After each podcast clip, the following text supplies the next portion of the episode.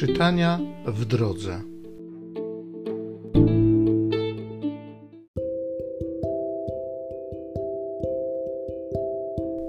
Z mądrości Syracha.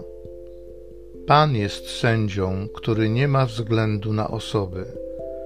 Nie będzie miał on względu na osobę przeciw biednemu. Owszem, wysłucha prośby pokrzywdzonego nie zlekceważy błagania sieroty ani wdowy, kiedy się skarży.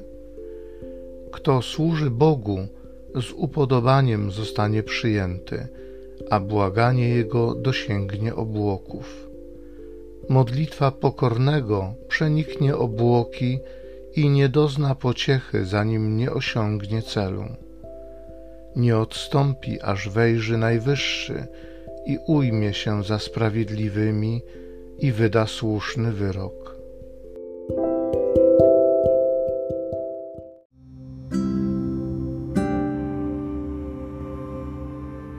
Z Psalmu 34 Biedak zawołał i Pan go wysłuchał.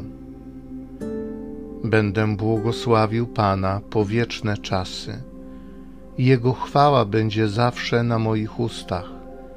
Dusza moja chlubi się Panem Niech słyszą to pokorni i niech się weselą. Pan zwraca swe oblicze przeciw złoczyniącym, by pamięć o nich wymazać z ziemi. Pan słyszy wołających o pomoc i ratuje ich od wszelkiej udręki. Pan jest blisko ludzi skruszonych w sercu, ocala upadłych na duchu. Pan odkupi duszę sług swoich, nie zazna kary, kto się do niego ucieka. Biedak zawołał i Pan go wysłuchał.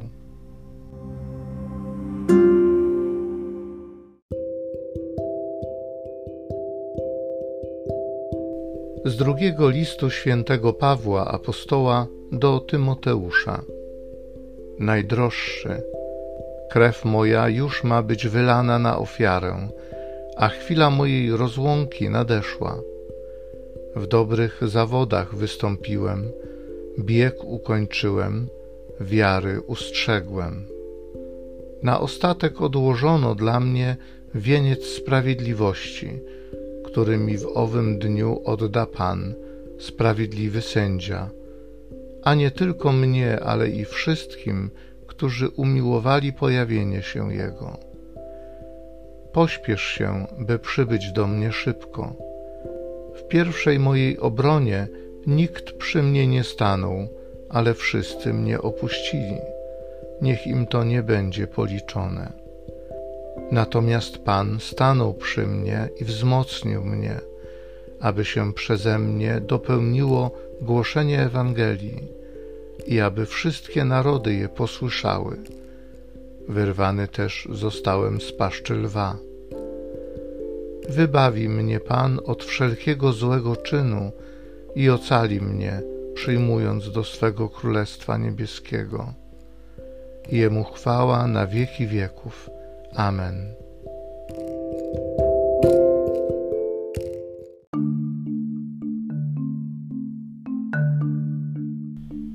Chrystusie Bóg pojednał świat z sobą, nam zaś przekazał słowo jednania.